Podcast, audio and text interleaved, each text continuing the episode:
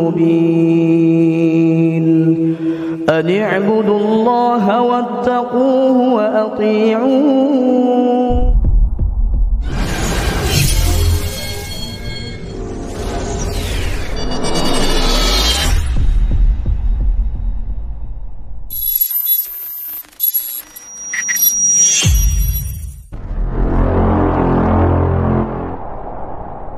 الله الرحمن الرحيم. السلام عليكم ورحمة الله وبركاته.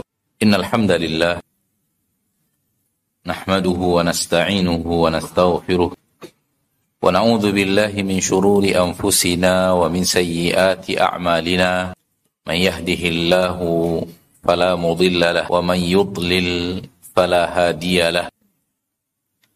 أشهد أن لا إله إلا الله وحده لا شريك له وأشهد أن محمدًا عبده ورسوله صلى الله عليه وعلى آله وأصحابه ومن تبعهم بإحسان إلى يوم الدين وسلم تسليما كثيرا. يا أيها الذين آمنوا اتقوا الله حق تقاته ولا تموتن إلا وأنتم مسلمون.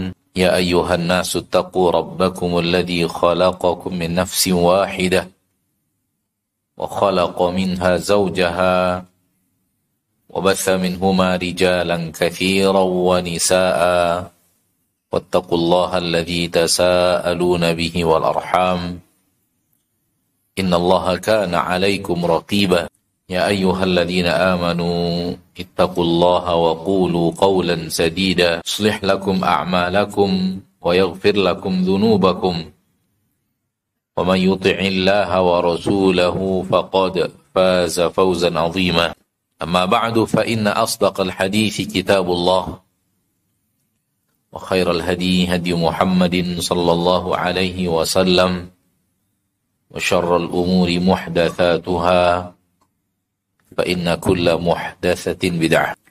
Saudaraku, saudariku, al-muslimin wal muslimat, al-hadirin wal hadirat, al-musyahidin wal musyahidat, di mana pun sekarang antum berada rahimani wa rahimakumullahu jami'an. Mari kita bersyukur kepada Allah tabaraka wa ta'ala, Rabb yang telah menggerakkan hati kita untuk berkumpul di salah satu rumah di antara rumah-rumah Allah di permukaan bumi. Masjid adalah rumah Allah. Begitu yang Allah katakan dalam Al-Quran dan begitu yang dikatakan Rasulullah Sallallahu Alaihi Wasallam di dalam hadis. Kata tetapi idafah rumah Allah adalah idafatu tashrif. Dinisbatkannya rumah kepada Allah adalah penisbatan kemuliaan. Allah ingin memuliakan masjid yang luar biasa ini dengan menyebutnya dinisbatkan kepada Allah Subhanahu wa taala. Sebagaimana kita mengatakan rumah presiden, rumah gubernur padahal bukan rumah beliau. Rumah milik negara. Akan tetapi penisbatannya, penisbatan kemuliaan. Allah yang telah menggerakkan hati kita untuk berkumpul di rumah Allah tabaraka wa taala salah satu rumah Allah tabaraka wa taala di permukaan bumi. Saya yakin dan percaya bahwa kehadiran kita adalah untuk mengharapkan ridho Allah, mengharapkan ganjaran pahala dari Allah, mengharapkan kemuliaan demi kemuliaan yang Allah tabaraka wa taala turunkan di majlis ilmu tak satu pun di antara kita insya Allah begini zon kita kepada semua yang hadir. Tak satu pun di antara kita insya Allah yang hadir untuk urusan dunia. Karena tidak ada dunia yang kita tebar di sini. Mudah-mudahan amal yang kita lakukan mengharapkan ridho Allah memberikan ke kebahagiaan, memberikan kejayaan kepada kita di akhirat. Karena amalan yang akan memberikan kebahagiaan kepada seseorang di akhirat adalah yang diterima di sisi Allah. Yang tidak diterima tidak akan menjadikan dia bahagia di akhirat. Bahkan amalan semakin rajin kita mengamalkannya, ternyata tidak diterima oleh Allah semakin akan membuat kita sengsara di akhirat. Sengsara dengan penyesalan. Berharap amal itu diterima di sisi Allah namun ternyata di ditolak. Bayangkan kalau ternyata mayoritas amal kita seperti itu di akhirat. Na'udzubillah, summa na'udzubillahi min dhalik. Kita berlindung kepada Allah Taala dari mayoritas amal kita ditolak. Kita berharap mayoritas amal kita diterima. Kenapa kita katakan mayoritas? Karena kita tidak berani mengatakan berharap semua amal kita diterima. Karena amal kita kita tahu bagaimana amal kita. Masing-masing kita sadar siapa diri kita. Maka kita berharap mayoritas amal kita di, diterima. Bukan sebaliknya, mayoritas amal kita ditolak. Oleh karena itu, siapa pun ustadz, siapa pun da'i, siapa pun orangnya, teman, sahabat, kerabat, atasan, bawahan, dan yang lainnya, tetangga, yang memberikan nasihat kepada kita agar ikhlas dan mengikuti sunnah Rasulullah SAW dalam beramal, itu adalah orang yang sayang kepada kita. Bukan orang yang benci kepada kita. Tanamkan itu baik-baik saudaraku, saudariku muslimin dan muslimat. Orang yang mengajak kita untuk beramal ikhlas dan beramal sesuai tuntunan Rasulullah SAW bukanlah orang yang membenci kita, namun orang yang menyayangi kita. Kenapa? Karena di dalam niatnya insya Allah, di dalam nasihatnya insya Allah terkandung agar amal kita diterima di sisi Allah. Bukankah amal di sisi Allah diterima apabila dilakukan ikhlas dan dilakukan sesuai dengan tuntunan Rasul. Ketika orang itu mengajak kita untuk mengikuti sesuai tuntunan Rasul dan ikhlaskan kepada Allah, berarti orang itu sayang kepada kita. Dia ingin amal kita diterima di sisi Allah Rabbul Izzati wal Jalalah. Seorang dai, seorang ustadz yang selalu mengajak kepada kembali kepada tuntunan Rasulullah SAW dan kemudian ikhlaskan mengharapkan ridho Allah adalah orang yang menyayangi mad'unya. Kenapa? Karena dia ingin orang-orang yang dia nasihati adalah orang-orang yang amalnya mayoritas diterima di sisi Allah Rabbul Izzati wal Jalalah. Jangan terbalik.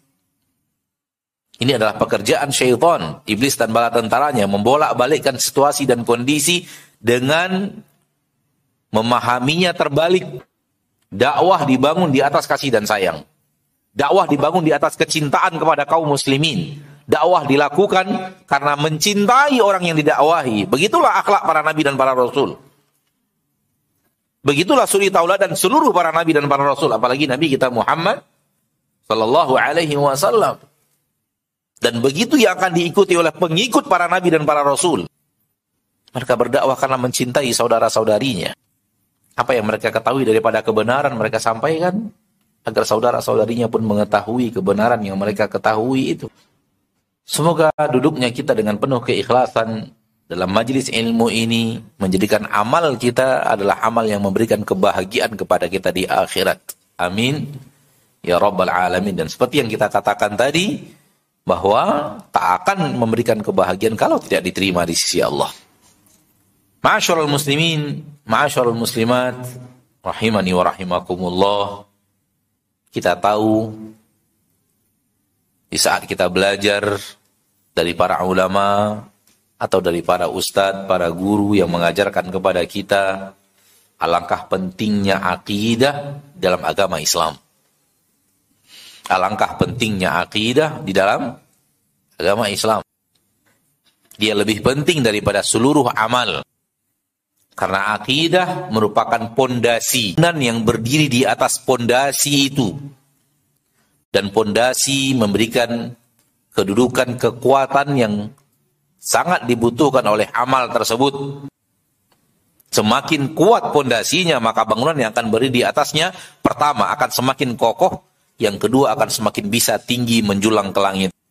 Berlaku sebaliknya adalah sebaliknya apabila pondasinya rapuh, pondasinya tidak kuat dan tidak kokoh, Pertama, bangunan pun tidak akan bisa berdiri kuat dan kokoh, gampang runtuh, gampang hancur, dan tidak akan bisa dibangun bangunan tinggi, menjulang di atas pondasi yang rapuh.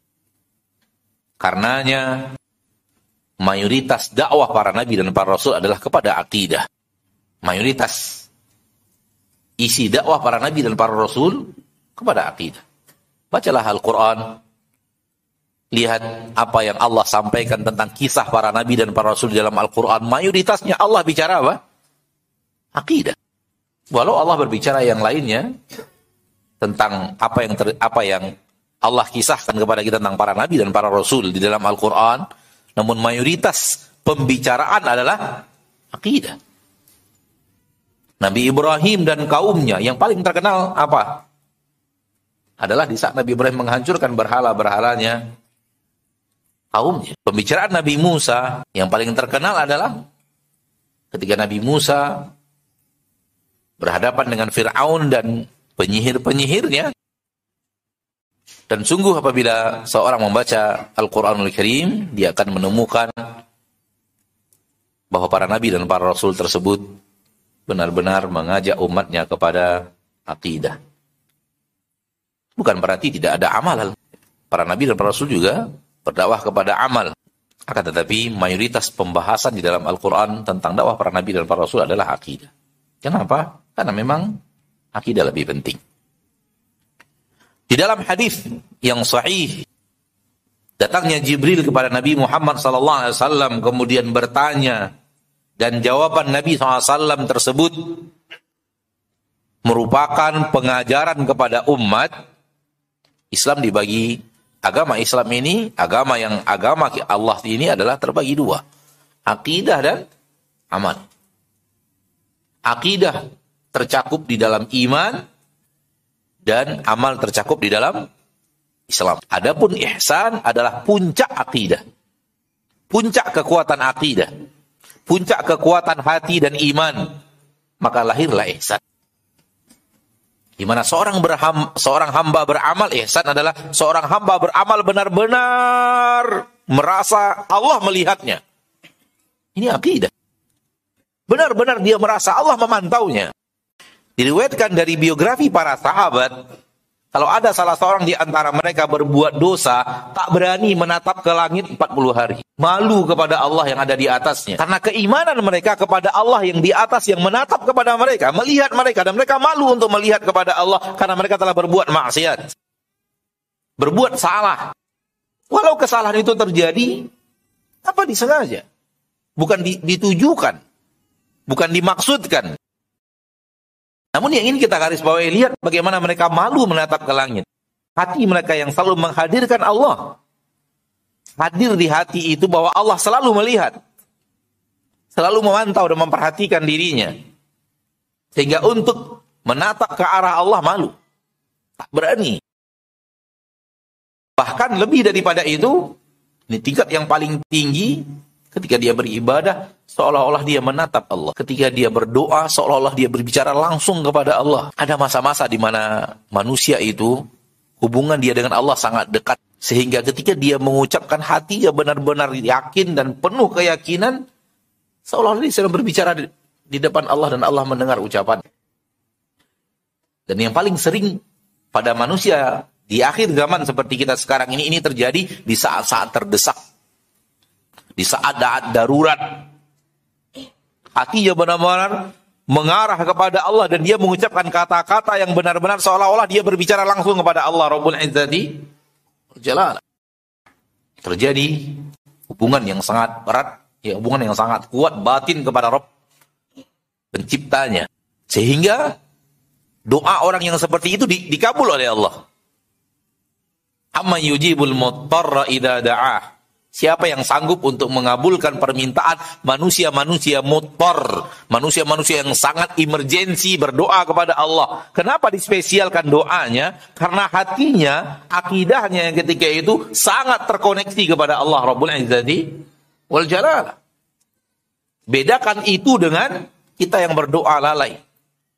Doa ya doa juga, ngangkat tangan yang ngangkat tangan juga, baca Robbi, Robbi, Robbi, Robbana juga. Akan tetapi tak seperti itu hati kita kita berdoa kepada Allah Rabbul Izzah wal Jalalah. Maka agama ini terbagi dua. Ada yang bahagian iman, ada rukun iman. Semuanya akidah. Ada bahagian amal, zahir. Ada di dalam Islam.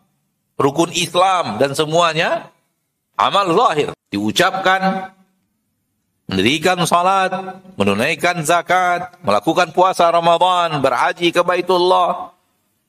Amal zahir. Dan sepakat seluruh para ulama ahlu sunnah bahwa iman lebih penting daripada Islam. Iman yang dimaksud adalah rukun-rukun iman yang berhubungan dengan iman. Abwab al-imaniyah, bab-bab iman dalam agama kita lebih lebih mulia, lebih penting daripada bab-bab amal. Islam semuanya penting. Campakkan dari hati kita ada sesuatu dalam Islam yang tidak penting. Namun kepentingan di dalam agama kita berderjat. Tidak berada pada satu satu level. Sebagaimana amalan pun berderjat. Sholat antara sholat fardu dengan sholat witir beda derjatnya. Antara witir dengan duha beda derjatnya. Antara duha dengan tahiyatul masjid beda derjatnya. Sama-sama sholat, sama-sama pentingnya. Penting itu sama, namun kepentingan ber, berderjat. Tak ada dalam agama kita ini tidak penting. Buangkan kalau ada orang yang mengatakan kepada kita, itu pinggirkan dulu, itu nggak penting. Ini yang kita bahas yang penting dulu, itu nggak penting. Kalau ada yang sampai mengatakan seperti itu kepada kita, coba perhatikan ini apa yang dimaksud oleh orang ini. Kalau dia ingin mengenyampingkan bahasan syariat dan dia menganggap ini tidak penting untuk dibahas, ini yang harus dibahas, maka ini salah satu pendapat yang batin tak ada dalam agama kita yang tidak penting. Semuanya penting. Allah turunkan malaikat Jibril untuk mengajarkannya. Allah utus Rasul untuk mengajarkannya. Allah turunkan Al-Quran untuk me untuk mengajarkan itu kepada kita. Allah turunkan firman-firmannya. Bagaimana tidak penting? Penting. Namun kepentingannya ber berderajat itu yang kita katakan. Berjenjang. Tidak semua pada berada pada satu level yang sama. Dalam bab keimanan pun demikian. Kita katakan iman lebih penting daripada amal. Iman itu sendiri berbeda derajatnya. Iman kepada Allah pasti lebih penting daripada iman kepada malaikat. Iman kepada surga dan neraka lebih penting daripada iman kepada adab kubur. Bervariasi derajatnya. Namun semua penting. Semua penting, ma'asyarul muslimin, ma'asyarul muslimat. Maka ketika seorang muslim mengetahui hal-hal yang berhubungan dengan akidah, jauh lebih lebih penting daripada hal yang berhubungan dengan amal, maka dia akan perhatian dengan akidahnya. Dan dia lebih aktif untuk menjaga akidahnya. Di zaman kita sekarang ini, banyak orang yang mungkin perhatian kepada cara sholatnya, cara puasanya. Akan tapi ketika sudah berbicara tentang hal yang berhubungan dengan akidah, santai. Bukti santainya, matanya dibiarkan melihat hal-hal yang beraroma syirik. Ditampilkan kepadanya hal-hal yang berhubungan dengan kesyirikan, dia pun santai saja tak tergerak hatinya untuk ingkar, membenci pekerjaan tersebut, menjauhi atau menutup tayangannya. Betul atau tidak? Kalau ada sebuah amalan yang sangat kita benci, harusnya tayangan tentang amalan yang kita benci itu, kita benci juga tayangannya. Itu konsekuensi kita benci, kita gak suka lihatnya. Anak ingin bertanya kepada antum. Tapi nggak usah dijawab dengan lisan, jawab dengan hati saja. Pernahkah antum lewat di bangunan-bangunan yang identit yang ada identitas kesyirikan, hati antum benci kepada bangunan itu? Atau sudah biasa? Kalau benar kita benci kepada sesuatu, ada kebencian hal-hal yang berhubungan dengan sesuatu yang kita benci itu. Termasuk simbol-simbol. Anda ingin bertanya kepada antum menjawab masing-masing dalam hati, nggak usah dengan mulut. Pernahkah antum menghindar dari suatu jalan karena di jalan itu ada bangunan yang ada simbol-simbol kesyirikan? ingin mencari jalan yang lain biarlah sedikit jauh untuk sampai ke rumah antum atau tempat yang antum tuju. Gak jauh-jauh juga, tapi lebih sedikit jauh dibanding antum ambil jalan sim, jalan yang lebih ringkas ini namun di dalamnya antum akan melewati simbol-simbol apa? Kesyirikan. Imam Ahmad apabila melihat seseorang keluar dari tempat kesyirikan itu dia tidak tatap orang itu. Dia, dia bukan tempatnya ya, orangnya. Ia hindarkan matanya dari melihat orang itu. Dan ditanya oleh muridnya, kenapa wahai imam, saya menjaga mata saya untuk melihat orang yang berbuat kesyirikan kepada Robnya. Berusaha. Muslim dan bukan muslim duduk begitu bersama, berjalan bareng, terlihat nggak? Nggak terlihat kecuali keimanan yang melihatnya. Akidah yang kokoh dan kuat di dalam batin yang memperhatikannya. Bahkan kita kadang-kadang tertipu. Yang ini tatoan, yang ini tidak. Yang kita kira bahwa tatoan itu yang bukan muslim, ternyata dia yang muslim. Yang tidak tatoan, yang tidak yang tidak muslim kan. Artinya apa? Ciri-ciri kesalahan ada pada orang muslim lebih daripada yang tidak muslim. Terjadi nggak di zaman kita sekarang? Di mana umat Islam tak peduli lagi itu adalah amal-amal yang dibenci, dilaknat oleh Allah Subhanahu wa taala ada pada dirinya. Padahal amal yang dilaknat itu tidak ada pada diri orang yang tidak muslim. Maka Imam Muhammad ketika melihat melihat orang yang dia tahu bukan muslim, dia palingkan matanya. Saya ingin menghindarkan mata saya dari orang yang berbuat syirik kepada Robnya. Hal yang seperti ini adalah kekuatan akidah. Dan seperti yang kita katakan tadi, kekuatan akidah akan membuat bangunan amalnya kuat dan kokoh dan menjulang tinggi. Dan tidak akan lahir amal yang kuat. Kalau tidak datang dari akidah yang sangat tertancap kuat. Menghujam di dalam hati. Masyaallah muslimin, masyaallah muslimat. Di dalam hadis yang diriwayatkan oleh Imam Al-Bukhari dari Anas bin Malik radhiyallahu taala anhu wa ardahu Rasulullah SAW bersabda la ya'ti zamanun illa walladhi ba'dahu syarrun minhu. Tidak datang suatu zaman suatu generasi melainkan zaman yang setelahnya lebih buruk daripada zaman itu Tak datang suatu masa, di masa-mas, di, di, melainkan masa yang setelahnya lebih buruk daripada masa tersebut. Bandingkan masa kita dengan masa Rasul kita tercinta Muhammad Sallallahu Alaihi Wasallam. Bayangkan berapa jauhnya sudah masa kita daripada masa Rasul kita tercinta Sallallahu Alaihi Wasallam. Dan kalau kita bayangkan ini, ada kekhawatiran yang sangat dari diri kita tentang agama kita. Generasi kakek kita itu lebih baik daripada generasi ayah kita. Karena dia dihidup di zaman yang lebih awal daripada zaman ayah kita. Zaman ayah kita lebih baik daripada generasi kita. Zaman kita akan lebih baik daripada generasi anak kita. Bayangkan dari Rasul Sallallahu Alaihi Wasallam sampai sekarang sudah berapa generasi? Oleh karena itu sahabat lebih mulia daripada generasi setelahnya. Tabi'in. Dan tabi'in lebih mulia daripada generasi setelahnya dengan hadis Nabi SAW. Nas dari Nabi SAW. Sebaik-baik manusia generasiku. Setelah itu, yang terbaik setelah generasiku, yang setelahnya. Setelah itu, yang setelahnya. Kenapa? Dia semakin turun. Maka agama ini, agama ini masyaallah muslimin, 100% terbalik daripada dunia.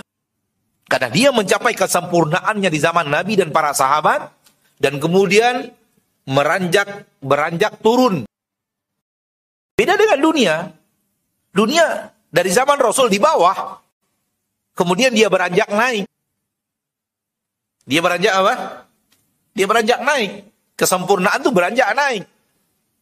Berbeda dengan agama. Dia justru turun. Dengan nas hadis ini, agama itu turun sama Nabi yang ter, itu zaman keemasan, zaman terbaik, puncaknya kebaikan di zaman Nabi. Hati-hati kalau ada kita di antara kita yang mengarahkan pembicaraan kepada selain itu. Kalau ada yang berani mengatakan lebih baik yang sekarang ini dibanding Rasul, oh itu perlu dicurigai itu, itu aneh. Kita tidak perlu bahas itu panjang lebar, walau kita sering menyaksikan adanya orang-orang yang menyatakan dialah kelompoknya lah yang baik, padahal kelompok itu kita tahu lahirnya baru satu abad, dua abad, tiga abad. Usianya di permukaan baru tiga abad, lalu menyatakan dia kelompok yang terbaik. Bagaimana mungkin? Kalau Anda kelompok yang terbaik, berarti yang sebelum Anda lebih buruk daripada Anda. Itu bertabrakan dengan hadis Nabi Shallallahu Alaihi Wasallam. Seharusnya Anda malu menyatakan, kami sudah berusia tiga abad. Malu harusnya. Kenapa? Berarti nggak dari zaman Rasul adanya yang begini-beginian. Paham nggak maksudnya? Malu harusnya. Bukan bangga. Hah? Bukannya bangga sudah tiga abad, sudah empat abad, sudah lima abad. Gak bangga kita. Kenapa? Karena kita tahu. Oh berarti lima abad. Berarti umat sebelum lima abad itu nggak ada yang kenal akidah antum ini. Nggak ada yang kenal aliran antum ini. Apa nasib Imam Syafi'i? Agama is agama Allah yang puncak keemasannya, puncak kejayaan itu zaman Rasul. Rasul dan para sahabat. Kemudian dia beranjak apa? Turun, turun, turun, turun, turun, turun, turun, turun. Beda dengan dunia. Maka jangan sekali-kali kita terpengaruh dengan orang yang mengatakan agama di zaman kita lebih lebih baik, lebih maksimal, lebih benar, lebih bertabrakan dengan seluruh nas syariat yang kita ketahui tentang masalah. Maka bayangkan sahabat, tabi'in lebih di bawah lagi terus, lebih di bawah lagi terus. Di mana kita sudah? Di mana zaman kita? Dua poin penting ini Pertama yang berhubungan dengan pentingnya akidah di dalam agama Islam. Dua menyadari kita hidup di zaman apa, kita hidup di generasi yang mana. Sudah berapa jauhnya generasi kita dengan generasi Rasul kita tercinta Muhammad sallallahu alaihi wasallam.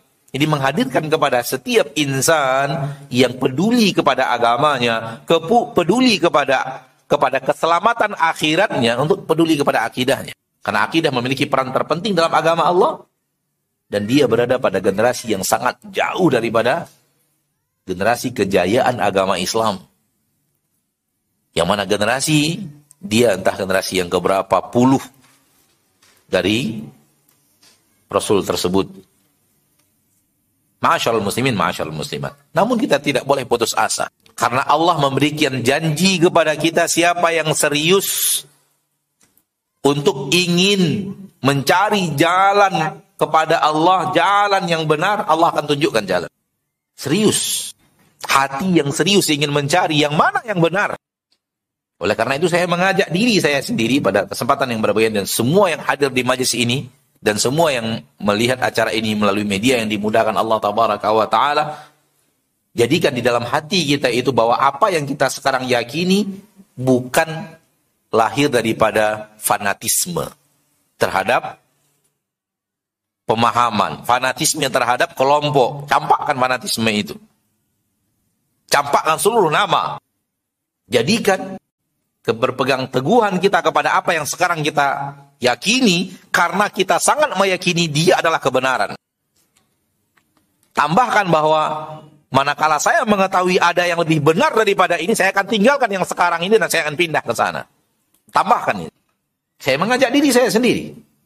Antum yang hadir di majelis sekarang ini dan siapa pun yang mendengar kajian ini sekarang dan yang akan datang. Saya mengajak jadikan berpegang teguhnya kita kepada keyakinan yang sekarang kita yakini, amalan yang sekarang kita amalkan, berpegang teguhnya itu bukan karena kelompok, bukan karena firqah, bukan karena nama, bukan karena tapi karena yakin bahwa inilah kebenaran itu. Inilah jalan yang diridhoi Allah, ini jalan dicintai Rasulullah, ini jalan yang hak, jalan yang benar. Karena itu saya berada di sini. Karena itu saya yakini, karena itu saya menghadiri, karena itu saya mengamalkan. Dan kalau saya menemukan kebenaran yang lebih daripada ini demi Allah ini akan saya tinggalkan. Supaya kita terjauh daripada fanatik golongan, fanatik pendapat, asub taklid a'ma mengikut padahal tidak ngerti dan tidak faham. Bukan karena ilmu karena ikut-ikutan. Yang dilarang oleh Allah dalam surah Al-Isra. Wala taqfu ma laisa laka ilm. Jangan ikuti sesuatu yang kamu tidak ada ilmu tentangnya. Inna sam'a wal basara wal fuada kullu ulaika kana anhu mas'ula. Sesungguhnya pendengaran penglihatan hati semua itu akan dimintai pertanggungjawaban. Mengikut karena tahu itu adalah kebenaran. Di atas ilmu. Qul hadhihi sabili ad'u ila Allah ala basiratin ana wa man Katakan inilah jalanku. Katakan wahai Rasulullah jalanku. Aku berdakwah kepada Allah, mengajak manusia kepada Allah ala basirah, di atas basirah. Basirah itu ilmu yang sangat jelas dan tegas. Pengetahuan yang sangat jelas dan tegas. Sesuatu yang tidak ada keraguan di dalamnya. Maka berpegang teguh kepada agama Allah karena itu.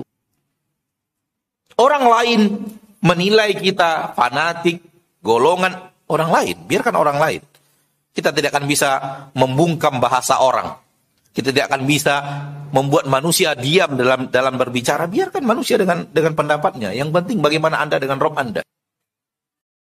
Karena kebenaran di sisi Allah akan terungkap. Kebenaran di akhirat akan tampak jelas. Kalau antum seperti ini, salah jalan pun masih mending. Seperti yang tadi, tetap salah jalan itu masih mending. Daripada taklid a'ma. Karena niat dalam hal ini bermanfaat. Walau salah jalan. Bermanfaat ya. Saya tidak mengatakan silahkan salah jalan, yang penting niatnya benar. Itu lain lagi tuh.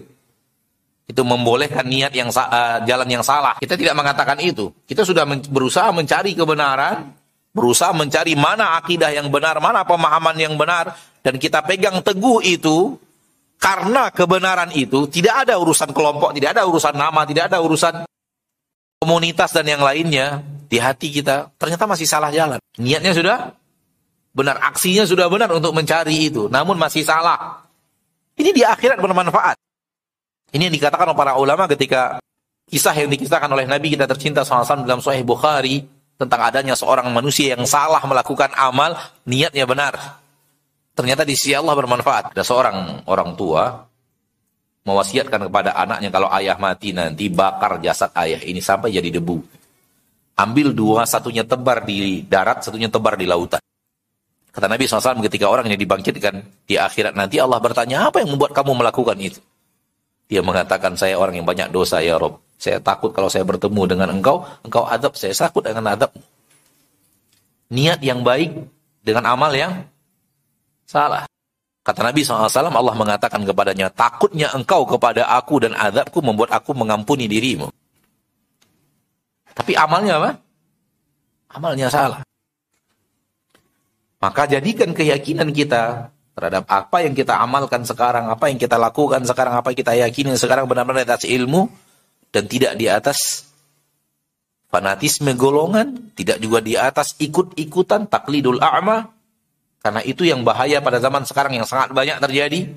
Kalau sudah A saya A, saya nggak akan pindah-pindah lagi sudah di sini aja. Ngomong ayah saya itu, kakek saya itu, kami dari keluarga itu, ya sih. Para nabi dan para rasul. Sebahagian daripada mereka ayahnya malah kafir.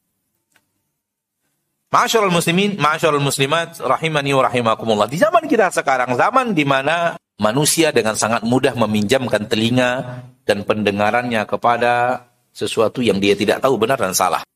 Dan dari ini datanglah kerusakan-kerusakan akidah yang sangat banyak dan sangat fatal.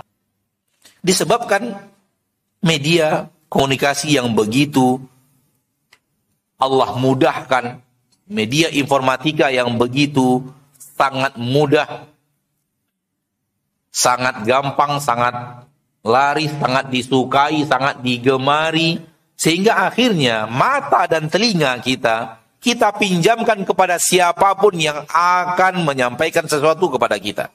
Harusnya tidak. Harusnya tidak, Masya Allah muslimin. Bagi orang yang ingin menjaga akidahnya, terutama di zaman-zaman seperti kita sekarang ini, dia menjaga ekstra ketat mata dan telinganya untuk dipinjamkan kepada orang-orang yang akan mengisinya dengan cara yang dia tidak tahu.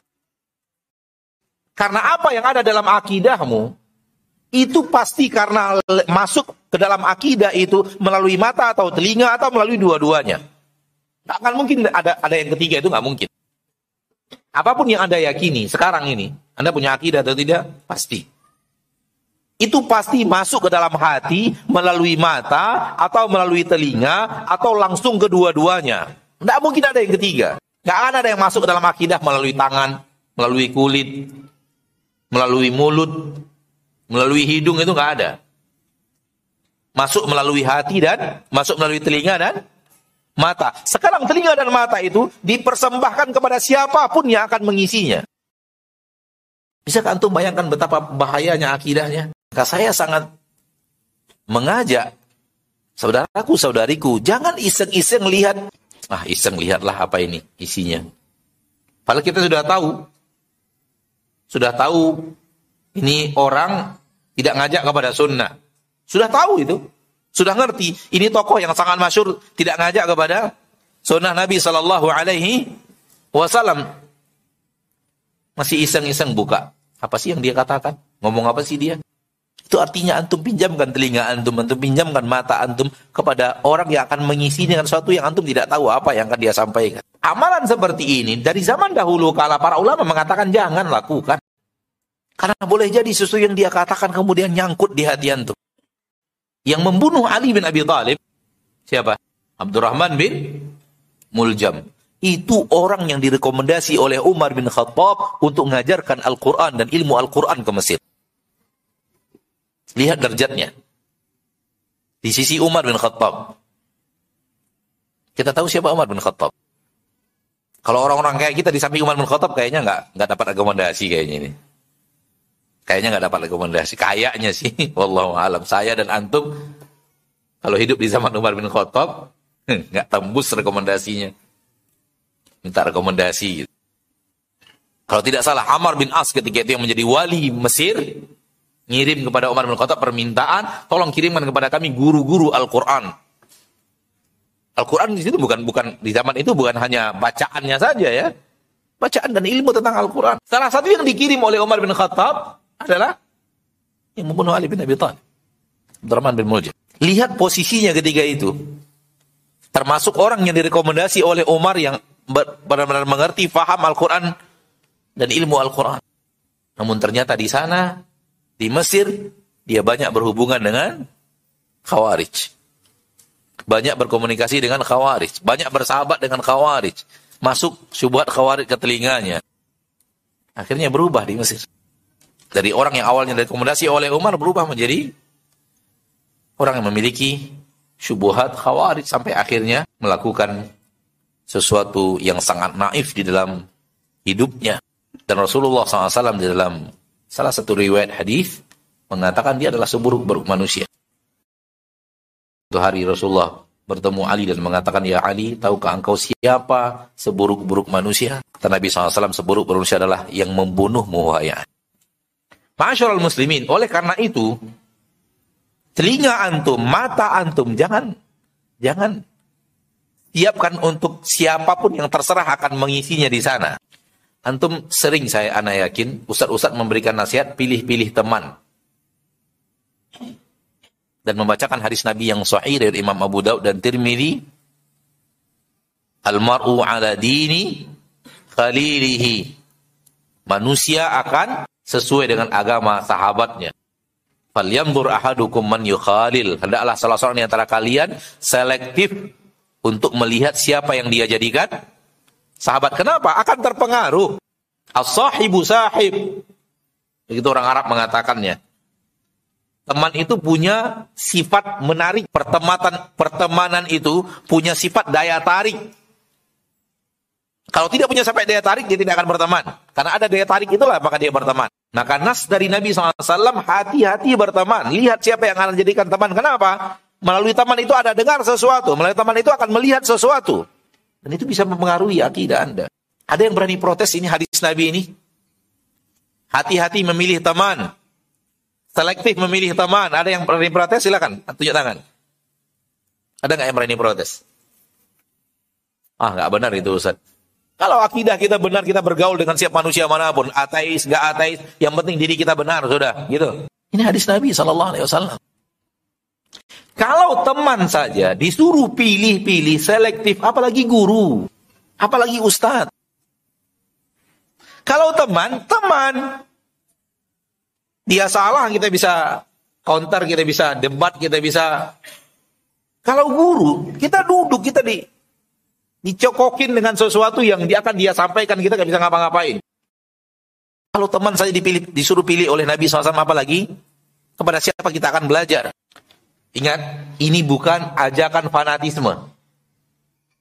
Tapi ajakan berhati-hati tentang agama. Kalau ajakan fanatisme adalah kalian hanya boleh ikut saya saja. Jangan yang lain. Atau kami dalam yayasan kami ada empat orang ustadz, lima orang, tujuh orang, sepuluh orang, dua puluh orang. Namanya fulan-fulan, hanya boleh ikut kajian ustadz itu aja, yang lain nggak boleh. Itu fanatisme. Tapi ajakan selektif memilih guru ajakan selektif memilih guru yang darinya kita belajar ilmu agama. Pelajarilah guru yang benar-benar kita yakin mengajarkan Al-Quran dan Sunnah yang benar.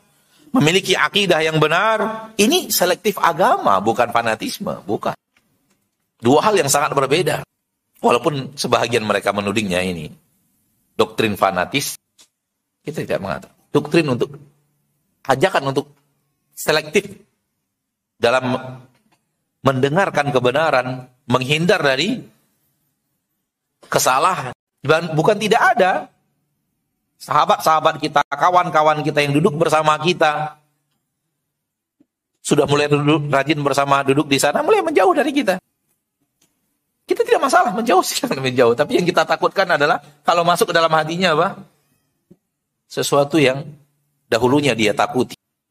Kenapa? Karena berteman. Karena mendengar. Karena meminjamkan mata dan telinga. Mata dan telinga itu adalah sesuatu yang akan mengisi akidah. Sesuatu yang ada di dalam hati antum. Itu sesuatu yang masuk ke dalam hati melalui mata dan telinga. Oleh karena itu dijaga ketat. Khusus bahagian akidah. Maka orang yang meminjamkan telinganya, meminjamkan matanya, atau mempersilahkan lewat melalui mata dan telinganya, siapa pun yang berbicara, siapa pun yang akan menyampaikan sesuatu kepadanya, itu akan penuh dengan syubuhat, akan penuh dengan pemahaman yang aneh. Apalagi dia kemudian mengandalkan pikirannya dan akalnya dan logikanya untuk menilai pemahaman orang. Bukan kepada Al-Quran dan Sunnah. Sebagian orang terlalu percaya dengan logikanya, dengan akalnya. Terlalu yakin bahwa akalnya bisa men men menseleksi kebenaran dan kebatilan. Terlalu pede bahwa kecerdasannya sudah sudah matang untuk menilai mana yang benar, mana yang salah. Dan ini bahaya. Nah, Anda cerdas. Tahukah Anda betapa banyak manusia cerdas yang kemudian masuk neraka? Betapa banyak manusia cerdas akhirnya menghalalkan yang diharamkan Allah? Betapa banyak manusia cerdas yang kemudian akhirnya kecerdasan membawa kepada bahwa tidak ada Tuhan di permukaan bumi, tidak ada Rob pencipta langit dan bumi. Apakah ilmuwan-ilmuwan yang bukan muslim itu semua bodoh? Orang-orang cerdas. Itu pertanda bahwa kecerdasan nggak cukup. Untuk menjaga akidah, terutama di akhir zaman ini, jangan terima keyakinan apa pun di hatimu kalau tidak ada landasan dari Al-Quran dan hadis. Campakkan semua yang tidak ada Al-Quran dan hadis, campakkan. Karena akidah itu hanya boleh diambil dari Al-Quran dan hadis. Kalau ingin selektif, kalau ingin menjadi orang yang perhatian kepada apa yang dia yakini, apa yang dia akidah, akidah, keyakinan di hatinya, tidak ingin dikotori, sesuatu yang dia dengarkan tidak ada Al-Qur'annya, tidak ada hadisnya, dia tidak akan dia akan campakkan. Dia hanya pegang sesuatu yang ada ayatnya, sesuatu yang ada hadis dan keterangan yang jelas. Karena sumber akidah hanya Al-Quran dan Sunnah.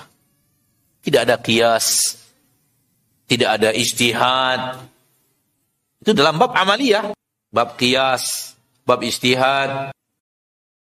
Itu bab amal. Anda ingin Anda ingin zakat beras, cari Al-Quran, cari hadis nggak ketemu. Apa zakat beras nggak ada. Datanglah bab kias, dikiaskan. Dicari sesuatu di zaman Nabi yang mirip dengan beras secara ilat, secara wujud, secara sifat dicari yang sesuai di zaman Nabi apa sih yang mirip dengan beras? Dicari, dicari, dicari, bertemu gandum. Gandum sangat mirip dengan beras. Ternyata gandum wajib zakat, berarti beras juga wajib zakat. Ini bab amal, bab akidah, semuanya Al-Quran, nas Al-Quran dan hadis. Maka tidak ada ayatnya, tidak ada hadisnya, nggak dikias-kiaskan. Jangan terima sesuatu yang akan Anda yakini di hati Anda, kecuali sesuatu yang Anda yakin ada ayatnya, ada hadisnya. Ada ilmu Anda dalam masalah itu. Yang Anda ketahui dan Anda yakini melalui Al-Quran dan hadis yang nyata. Masyarul muslimin, masyarul muslimat, rahimani wa rahimakumullah.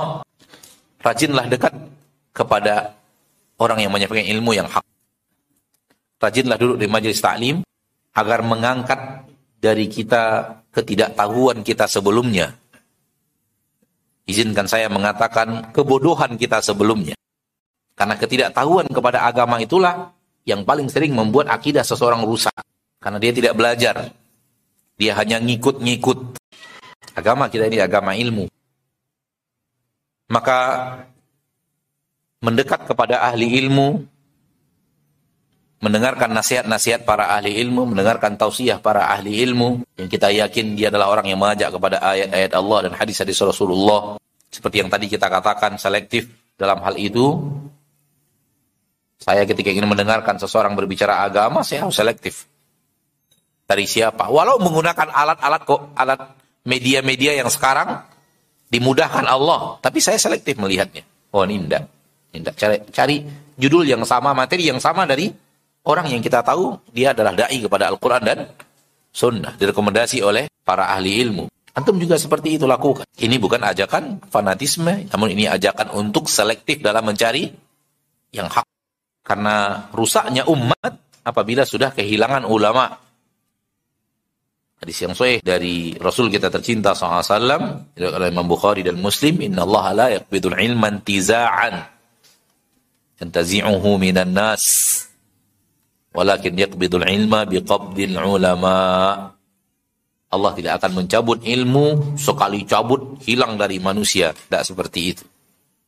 Allah mencabut ilmu dengan mewafatkan al ulama maka para ahli ilmu adalah apa ya mata air ilmu. Sumber ilmu yang harus kita dekati untuk kalau kita ingin menjaga agama kita. Kalau kita ingin peduli kepada agama kita. Kalau kita serius ingin memperbaiki dan membenahi agama kita. Walakin yakbidul ilma biqabdil ulama. Akan tapi Allah akan mencabut ilmu itu dengan mewafatkan para ulama.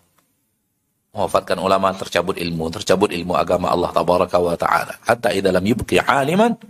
Manakala Allah tidak meninggalkan lagi ahli ilmu. Ittakhadhan nasu ru'usan juhala fasu'ilu fa'aftau bighairi ilmin fadallu wa adallu.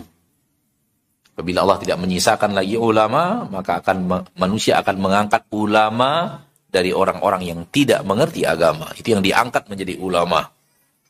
Itu yang akan dinobatkan sebagai ulama. Fasu'ilu mereka pun ditanya fa'aftau bighairi ilmin? Mereka mengeluarkan fatwa tanpa ilmu tidak berdasarkan ilmu yang hak. Ilmu juga menurut mereka, tapi bukan ilmu yang hak menurut Allah dan Rasulnya. Fadallu wa adallu. Mereka sesat, kemudian menyesatkan orang yang meminta fatwa kepada mereka. Na'udzubillahi min dhalik. Hadis ini juga sekaligus sama dengan yang tadi. Selektif kita memilih kepada siapa kita bertanya, kepada siapa kita belajar. Hati-hati menggunakan alat komunikasi, alat informasi sekarang ini hati-hati. Apalagi yang berhubungan dengan agama, pengetahuan agama, akidah, hati-hati dengan berikutnya hati-hati dengan fenomena yang nampak di sana melambangkan atau ada indikasi-indikasi mengarah kepada kerusakan akidah. Tinggalkan itu. Karena sesuatu apabila sudah sering terlihat menjadi biasa. Akhirnya menjadi sah-sah saja. Karena sudah biasa. Walaupun dia meyakini haram, tapi sudah biasa, udah, udah seolah-olah bukan haram lagi gitu. Itu bahaya kebiasaan. Anda yakin dan percaya. Di negeri ini atau di daerah kita ini banyak sekali wanita muslimah yang tidak mau menutup aurat. Itu atau tidak? Namun apabila kita tanya kepada dia, membuka aurat itu haram atau boleh? Dia akan jawab apa? Haram. Lihat pengaruh kebiasaan. Apabila sesuatu sudah terbiasa, akhirnya dilakukan seolah-olah tidak tidak mengapa. Maka jangan biasakan melihat yang bertabrakan dengan akidah Anda. Jangan biasakan menonton tontonan yang bertabrakan. Kalau ada-ada yang berhubungan dengan itu, buang, campakkan. Karena kebencian Anda kepada sesuatu yang bertabrakan dengan tauhid, yang berhubungan dengan syirik, harusnya membuat Anda membenci juga hal-hal yang berhubungan dengan itu. Wallahu ta'ala. Ini yang bisa Anda sampaikan pada kesempatan yang berbahagia ini. Semoga bermanfaat. Dan waktu yang tersisa kita gunakan untuk menjawab pertanyaan dari kaum muslimin dan kaum muslimat. Karena tadi Anda melihat panitia sudah sudah melayangkan. Mohon dikumpulnya ke sana ya. Pertanyaan dikumpulnya ke sana. Iya. Oh iya, ke sana ya, bukan kemari. Pertanyaan dikumpulkan ke panitia di situ. Oh iya gitu. Ini diseleksi dulu Pak, enggak dikumpul aja. Oh ya, baik. Khair insyaallah. Seseorang berkata, tidak perlu belajar akidah terus, sementara akhlak dan amalnya masih kurang. Beramal dulu, akidah dicukupkan saja kalau sudah tahu mana perbuatan syirik. Cukup bila sudah tahu tidak boleh menyembah Tuhan selain Allah. Agama berjalan, tidak bisa ini disepelekan, ini diseriuskan, nggak bisa. Karena semuanya saling terhubung. Amal Anda juga punya ikatan erat dengan keyakinan dan akidah. Akidah Anda yang kuat akan membangun amal Anda yang kuat. Maka tidak ada yang namanya udah tinggalkan dulu bab akidah, benahi dulu amal. Ya, tidak benar. Bahkan kalau kita lihat biografi Rasul kita tercinta SAW, Beliau lebih fokus bicara akidah dulu, kemudian sambil bicara akidah menyampaikan amal. Saking pentingnya akidah itu. Maka pernyataan itu bertabrakan dengan apa yang kita saksikan dari sirah Nabi kita tercinta dan Rasul kita tercinta Nabi Muhammad sallallahu alaihi wasallam. Selektif dalam memilih guru apakah berlaku juga saat kita mencari tempat pengajian Al-Quran anak-anak kita Ustadz. Guru yang akan mengajarkan kepada mereka Al-Quran gitu maksudnya. Nah, anak-anak kita yang masih kecil, justru apa yang mereka dengarkan di saat mereka kecil itu lebih penting daripada apa yang mereka dengarkan ketika mereka besar. Karena apa yang mereka dengarkan di waktu kecil itu akan membekas di hati mereka. Bukankah menimba ilmu di saat kecil bagaikan mengukir di atas batu. Adapun menimba ilmu di saat dewasa bagi mengukir di atas air saking gampang lupanya dan saking melengketnya maka iya selektif juga. Kalau kita sudah tahu maka kita carikan tempat pembelajaran Al-Quran yang terbaik untuk anak kita. Walau tempatnya agak sedikit jauh, kita antar walaupun jauh. Kita korbankan sebahagian daripada harta kita walau untuk bayar orang yang akan mengantarkan.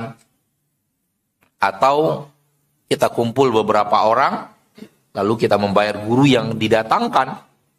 Bisa dengan cara kita yang berkorban untuk mengantarkan atau kita kumpul beberapa orang kita berkorban harta untuk mendatangkan orang yang akan mengajarkan. Dua-duanya bisa Wallahu taala. Bagaimana kalau ada orang yang membantu dan menolong orang lain namun perkataannya menyakiti hati orang yang ditolong dengan mengatakan kalau bukan karena saya kamu bukan apa-apa. Ini yang dilarang oleh Allah di dalam Al-Qur'an. Perbuatan baik kita kepada orang lain lalu kita sebut-sebut kepada orang yang kita kita perlakukan perbuatan baik itu kepadanya. Kita udah ngasih, Kemudian kita sebut-sebut kamu sudah dikasih ini, kamu sudah dikasih itu. Nggak boleh. Ini dilarang oleh Allah dalam Al-Quranul Karim. Menyebut-nyebut kebaikan kita kepada orang lain. Walaupun nasnya ada di dalam sadaqah. Ya ayuhalladzina amanu la tubtilu sadaqatikum bil manni wal adha. Hai orang-orang yang beriman, jangan kalian batalkan sodakoh kalian dengan nyebut-nyebut. Disebut-sebut. Kamu nggak berterima kasih, kamu pernah saya berikan ini kan? Kamu saya pernah berikan ini kan? Disebut-sebut kepada dia. Boleh. Amal kita membuat orang uh, amal kita bagus, tapi lisan kita nyakiti orang lain, ini bahaya. Lebih berbahaya daripada lisan terpelihara, walau amal tak sebagus itu. Lisan terpelihara, tapi amal tak sebagus itu. Hadis Imam Muslim disebutkan kepada Nabi kita tercinta SAW tentang seseorang yang puasanya bagus, infaknya bagus, sedekahnya bagus, tapi lisannya menyakiti orang. Kata Nabi SAW, hiya finnar, dia di neraka. Lalu disebutkan lagi orang yang amalnya tidak sebaik itu, namun lisannya terpelihara, tidak nyakiti orang banyak. Kata Nabi SAW, hiya fil jannah, dia di dalam surga. Maka hati-hati dengan lisan kita yang menyakiti orang menzolimi manusia dengan sengaja. Agama ini kita pelajari agar kita tidak menzolimi siapa pun. Namun kita belajar agama, perbaiki amal, perbaiki sholat, lisan kita nyakiti orang, nggak ngerti agama. Allah turunkan agama untuk membasmi yang namanya kezoliman. Untuk membasmi yang namanya apa? Kezoliman. Kezoliman apa pun, sekecil apa pun, apalagi yang besar. Diturunkan agama untuk membasmi kezoliman, menegakkan keadilan. Kemudian kita belajar agama, lalu terlihat sholat kita baik, terlihat puasa kita baik, sodakoh kita baik, lisan kita menzolimi orang lain. Nggak ngerti agama. Agama diturunkan untuk menjauhkan kezoliman sesama manusia. Bahkan menjauhkan kezoliman kepada hewan. Dalam hadis Qudsi, Ya ibadi inni haramtu dhulma ala nafsi, wa ja'altuhu bainakum muharrama. Fala tadhalamu. Wahai hamba-hambaku, aku mengharamkan zoliman, kezoliman untuk diriku. Allah katakan begitu. Dan aku jadikan kezoliman itu haram untuk kalian lakukan sesama kalian. Maka jangan saling menzolimi. Kehormatan saudaramu lebih mulia di sisi Allah atau kemuliaan saudaramu di sisi Allah bagaikan kehormatan Mekah, bulan haram, dan tanah haram sebagaimana dikatakan oleh Nabi kita tercinta Muhammad sallallahu alaihi wasallam dalam hadis pada saat beliau berhaji. Inna dima'akum wa amwalakum wa a'radakum haramun alaikum. Hurmati yaumikum hadha fi syahrikum hadha fi baladikum hadha. Maka jangan lisan kita nyakiti hati orang lain. Ini nasihat kepada semua kita, termasuk saya, bukan nasihat hanya kepada anda yang merasa disakiti. Paham kan? Jangan gara-gara ada kasus lalu bertanya ini ke ustadz. Supaya sahabat yang nyakiti dia itu dengar gitu. Kadang-kadang pertanyaan ini, seperti ini, sebenarnya pertanyaan kasus untuk mendukung dia. Agama itu bukan untuk menang-menangan. Bukan untuk tuding-tudingan kalau Anda bertanya pertanyaan ini tidak untuk mengenal agama, tapi untuk menyinggung perasaan saudara antum yang tadi, ini bagian daripada kezoliman. Karena Anda, anda ingin menembak dia melalui pertanyaan. Untuk apa nembak-nembak orang? Kita nggak belajar agama tuh nembak orang, enggak demi Allah, enggak. Apa pun yang adapun yang kita sampaikan daripada ini yang kita ketahui daripada kebenaran yang kita walau ada orang yang tersinggung, enggak nembak dia, enggak. Kita nggak nembak dia. Namun youtuber yang membuatnya saling tembak-tembakan. Enggak, kita enggak ada maksud ini dan itu dan semacamnya. Kita ingin menerangkan yang hak. Agama ini bukan untuk bertengkar, agama ini bukan untuk saling tuding-tuding, agama ini hanya ikhlas mengetahui yang hak dan menyampaikan yang hak. Dan ini yang kita ketahui daripada kebenaran, yang terima alhamdulillah, yang tidak terima juga alhamdulillah. Kenapa saya sampai mengatakan itu? Karena terbesik di hati saya, kalau orang sudah rajin ngaji, rasanya tahu ini pekerjaan nggak benar gitu. Kenapa masih ditanyakan? Nah, mungkin mungkin kita nggak bisa nebak gaib. Mungkin ada ada kasus ini, lagi ada kasus. Mumpung dia hadir, nah, buat pertanyaan ini. Semoga tidak. Saya hanya mengatakan semoga tidak. Kalau ada, maka bertobatlah. Kita sudah tahu, itu tidak baik, tidak benar. Pertanyaan yang baik, pertanyaan yang benar adalah pertanyaan yang kita tidak tahu untuk kita amalkan. Itu yang benar. Atau kita tahu namun kita yakin orang lain banyak tidak tahu, kita tanyakan supaya orang lain juga tahu. Itu bagus. Tapi untuk kita menang, enggak. Untuk kita dapat amunisi, enggak juga. Ya, belajar ilmu agama ini untuk perbaikan diri. Seperti apa dan bagaimana dari pengetahuan yang jelas dan tegas basirah tadi keyakinan yang benar-benar berasal dari ilmu yang hak dan tidak ada keraguan di dalamnya. Seperti saya sekarang meyakini adanya malaikat. Seperti antum juga meyakini adanya malaikat. Kemudian antum ditanya tentang malaikat itu. Antum bisa berbicara, iya saya yakin adanya, adanya malaikat. Ini ayatnya di dalam Al-Quran. Ini hadis-hadis Nabi SAW. Malaikat itu tercipta dari cahaya. Itu yang dikatakan Nabi SAW. Kita tercipta dari tanah. Malaikat itu lebih banyak daripada daripada manusia. Ini ayatnya di dalam Al-Quran. Wa ma ya'lamu junuda rabbika illahu. Saking banyaknya malaikat itu. Malaikat ada ada Baitul Ma'mur dalam hadis Nabi SAW di, di langit yang ketujuh. Dimasuki ada 70 ribu malaikat. Setiap hari gantian 70 ribu keluar, hari berikutnya 70 ribu, hari berikutnya 70 ribu. Dan sampai hari kiamat tidak ada yang dapat jatah kedua. Semua hanya dapat jatah satu, satu kali. Ada malaikat yang bertugas memegang tali kekangnya neraka jahanam. Tali, tali kekang neraka jahanam itu 70 ribu. Satu tali kekang dipegang 70 ribu malaikat. Ada 4,9 miliar malaikat hanya untuk pegang tali kekang itu saja. Terus, terus ilmu yang antum ketahui dan antum yakini dengan ada keraguan sedikit pun, itu dia yang namanya basirah. Tak ada lagi sedikit pun keraguan. Walau tak nampak. Sesuatu yang antum bisa tetap dengan mata. Jelas tetap dengan mata. Ada nggak keraguan di dalamnya? Antum punya ada keraguan nggak bahwa ini adalah mikrofon? Ada keraguan nggak kalau ini adalah air mineral di dalamnya? Ada keraguan nggak? Ilmu antum tentang sesuatu, walau tidak antum melihat, seperti itu ketidakraguannya. Itu dia basirah. Demikian juga ilmu tentang Allah, ilmu tentang hari akhir, ilmu tentang hal-hal lainnya yang berhubungan dengan hal yang dibutuhkan di dalamnya ilmu. Sehingga antum benar-benar tahu, benar-benar paham, benar-benar dan tidak ada keraguan sedikit pun di dalamnya. Itulah di agama Allah. Agama di atas basirah. Ilmu yang hak, jelas dan tegas. Bagaimana kita menyikapi perbedaan umat Islam yang meyakini kelompok mereka lah yang paling benar Rasanya tadi sudah anak sampaikan. Rasanya tadi dalam materi sudah kita sampaikan. Bahwa kita tidak ada tidak mengajak kepada fanatisme golongan, tapi masing-masing kita peganglah kebenaran yang Anda yakin Anda di atasnya dan bukan karena kelompoknya dan Anda punya tekad di hati kalau bertemu yang lebih baik daripada ini saya akan ambil itu. Dan saya akan tinggalkan apa yang ada pada saya sekarang ini. Kalau masing-masing kita sudah memiliki itu, maka tak ada yang namanya nama-nama kelompok itu tidak ada. Selain nama yang disebut oleh Nabi. Nama yang ada di dalam sunnah. Dalam sunnah juga ada nama. Ahlu sunnah wal jamaah itu juga ada dalam sunnah. Ahlul athar juga ada di dalam sunnah. Hal-hal yang seperti ini, namun bukan itu yang dimaksud dalam pertanyaan ini. Kelompok banyak, kita mana masing-masing mengatakan mereka yang benar. Sudah. Jangan bingung dengan kelompok itu cari kebenaran, tuntut ilmu, yakini mana ustadz yang dengar apa yang disampaikan, pegang mana yang menurut antum komitmen kepada Al-Quran dan Sunnah, dan hindari fanatisme.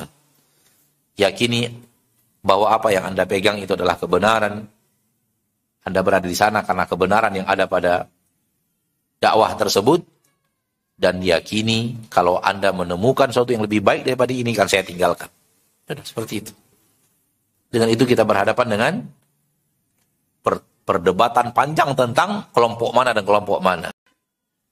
Yang bagi kita yang penting bagi kita adalah mengetahui Rasul kita dan bagaimana. Sahabat kita bagaimana, sahabat Rasul kita bagaimana. Lalu apakah kita telah mengamal, beramal seperti amalnya Nabi dan sahabat. Kelompok yang disebut Nabi selamat dari neraka, itu memiliki sifat, bukan memiliki nama. Yaitu sifatnya mengikuti Nabi dan para sahabat. Maka jadikan kebiasaan kita adalah kebiasaan mengikuti Nabi dan para sahabat.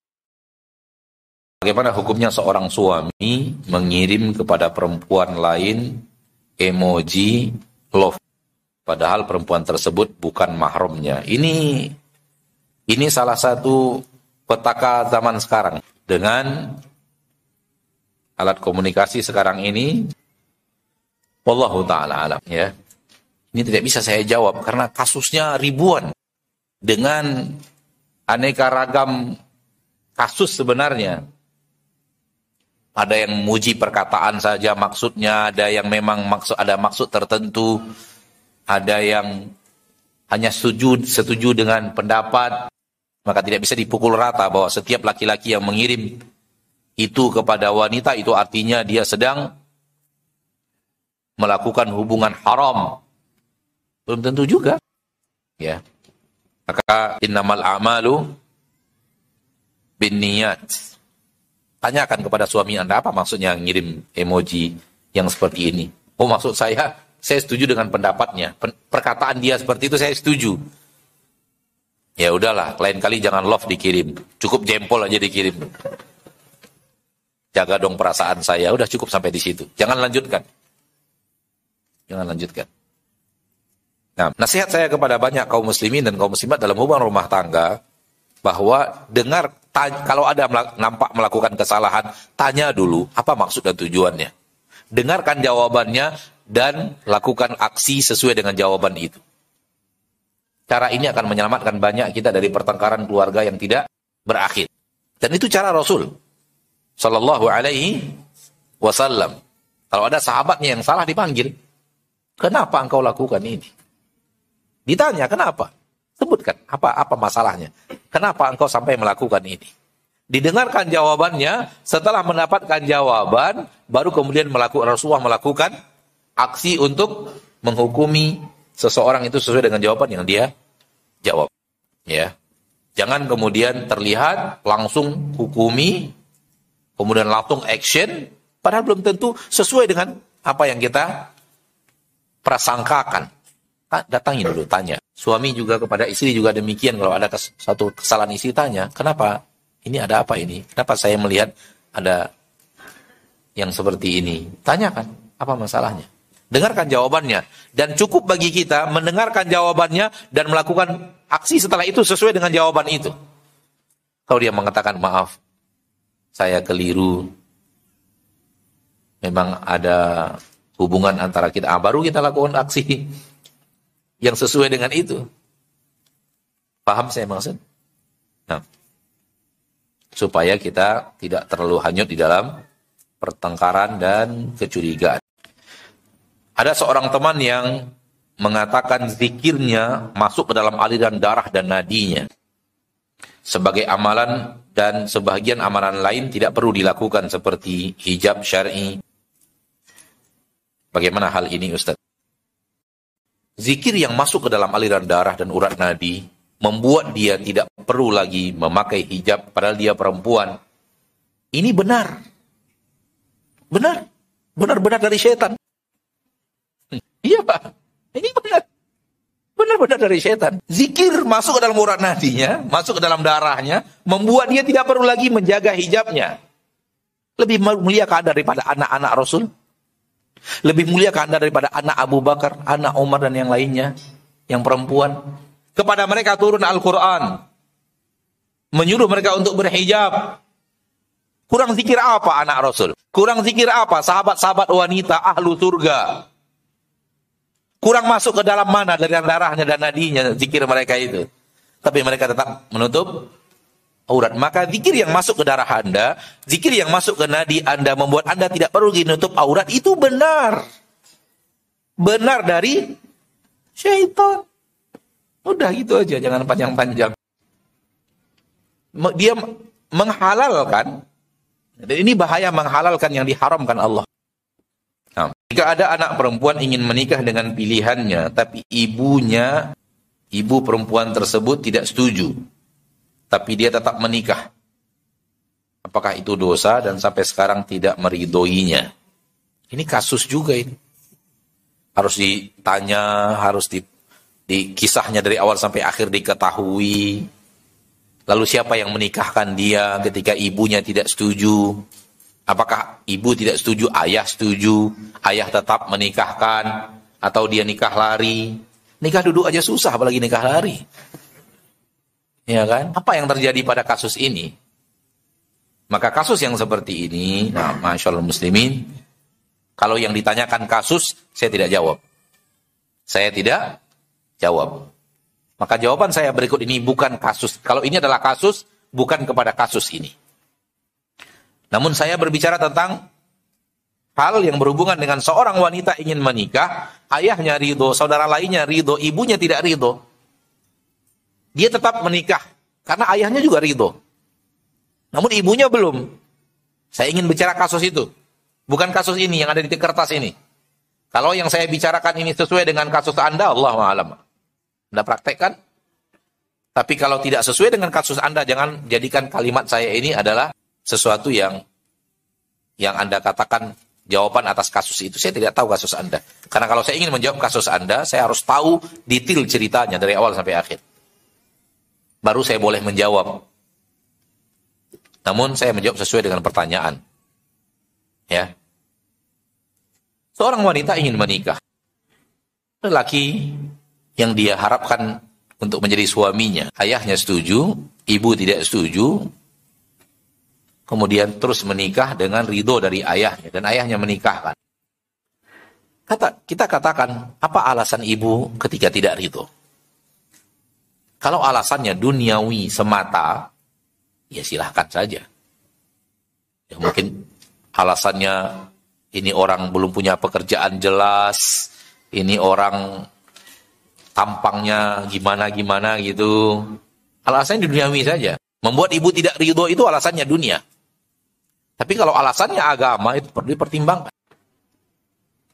Jadi kalau alasannya duniawi, sementara ayah ridho, sah dan tidak sahnya di tangan si ayah. Namun berusahalah, Anda sudah menikah, diridhoi ayah, ibu belum ridho, berusaha terus untuk men mencari ridhonya, ridhonya ibu.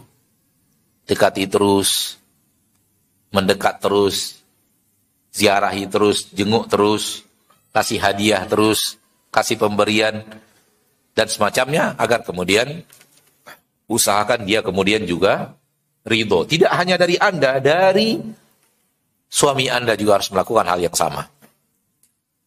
Bagaimana menyikapi tetangga yang memfitnah?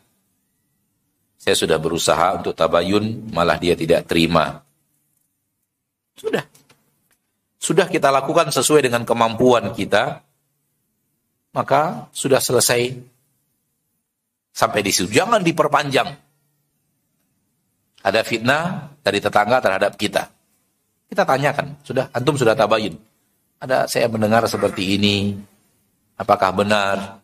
Ternyata dia marah-marah. Menunjukkan ke arah indikasi dia tersinggung dikatakan begitu. Dan tersinggung kita tanyakan.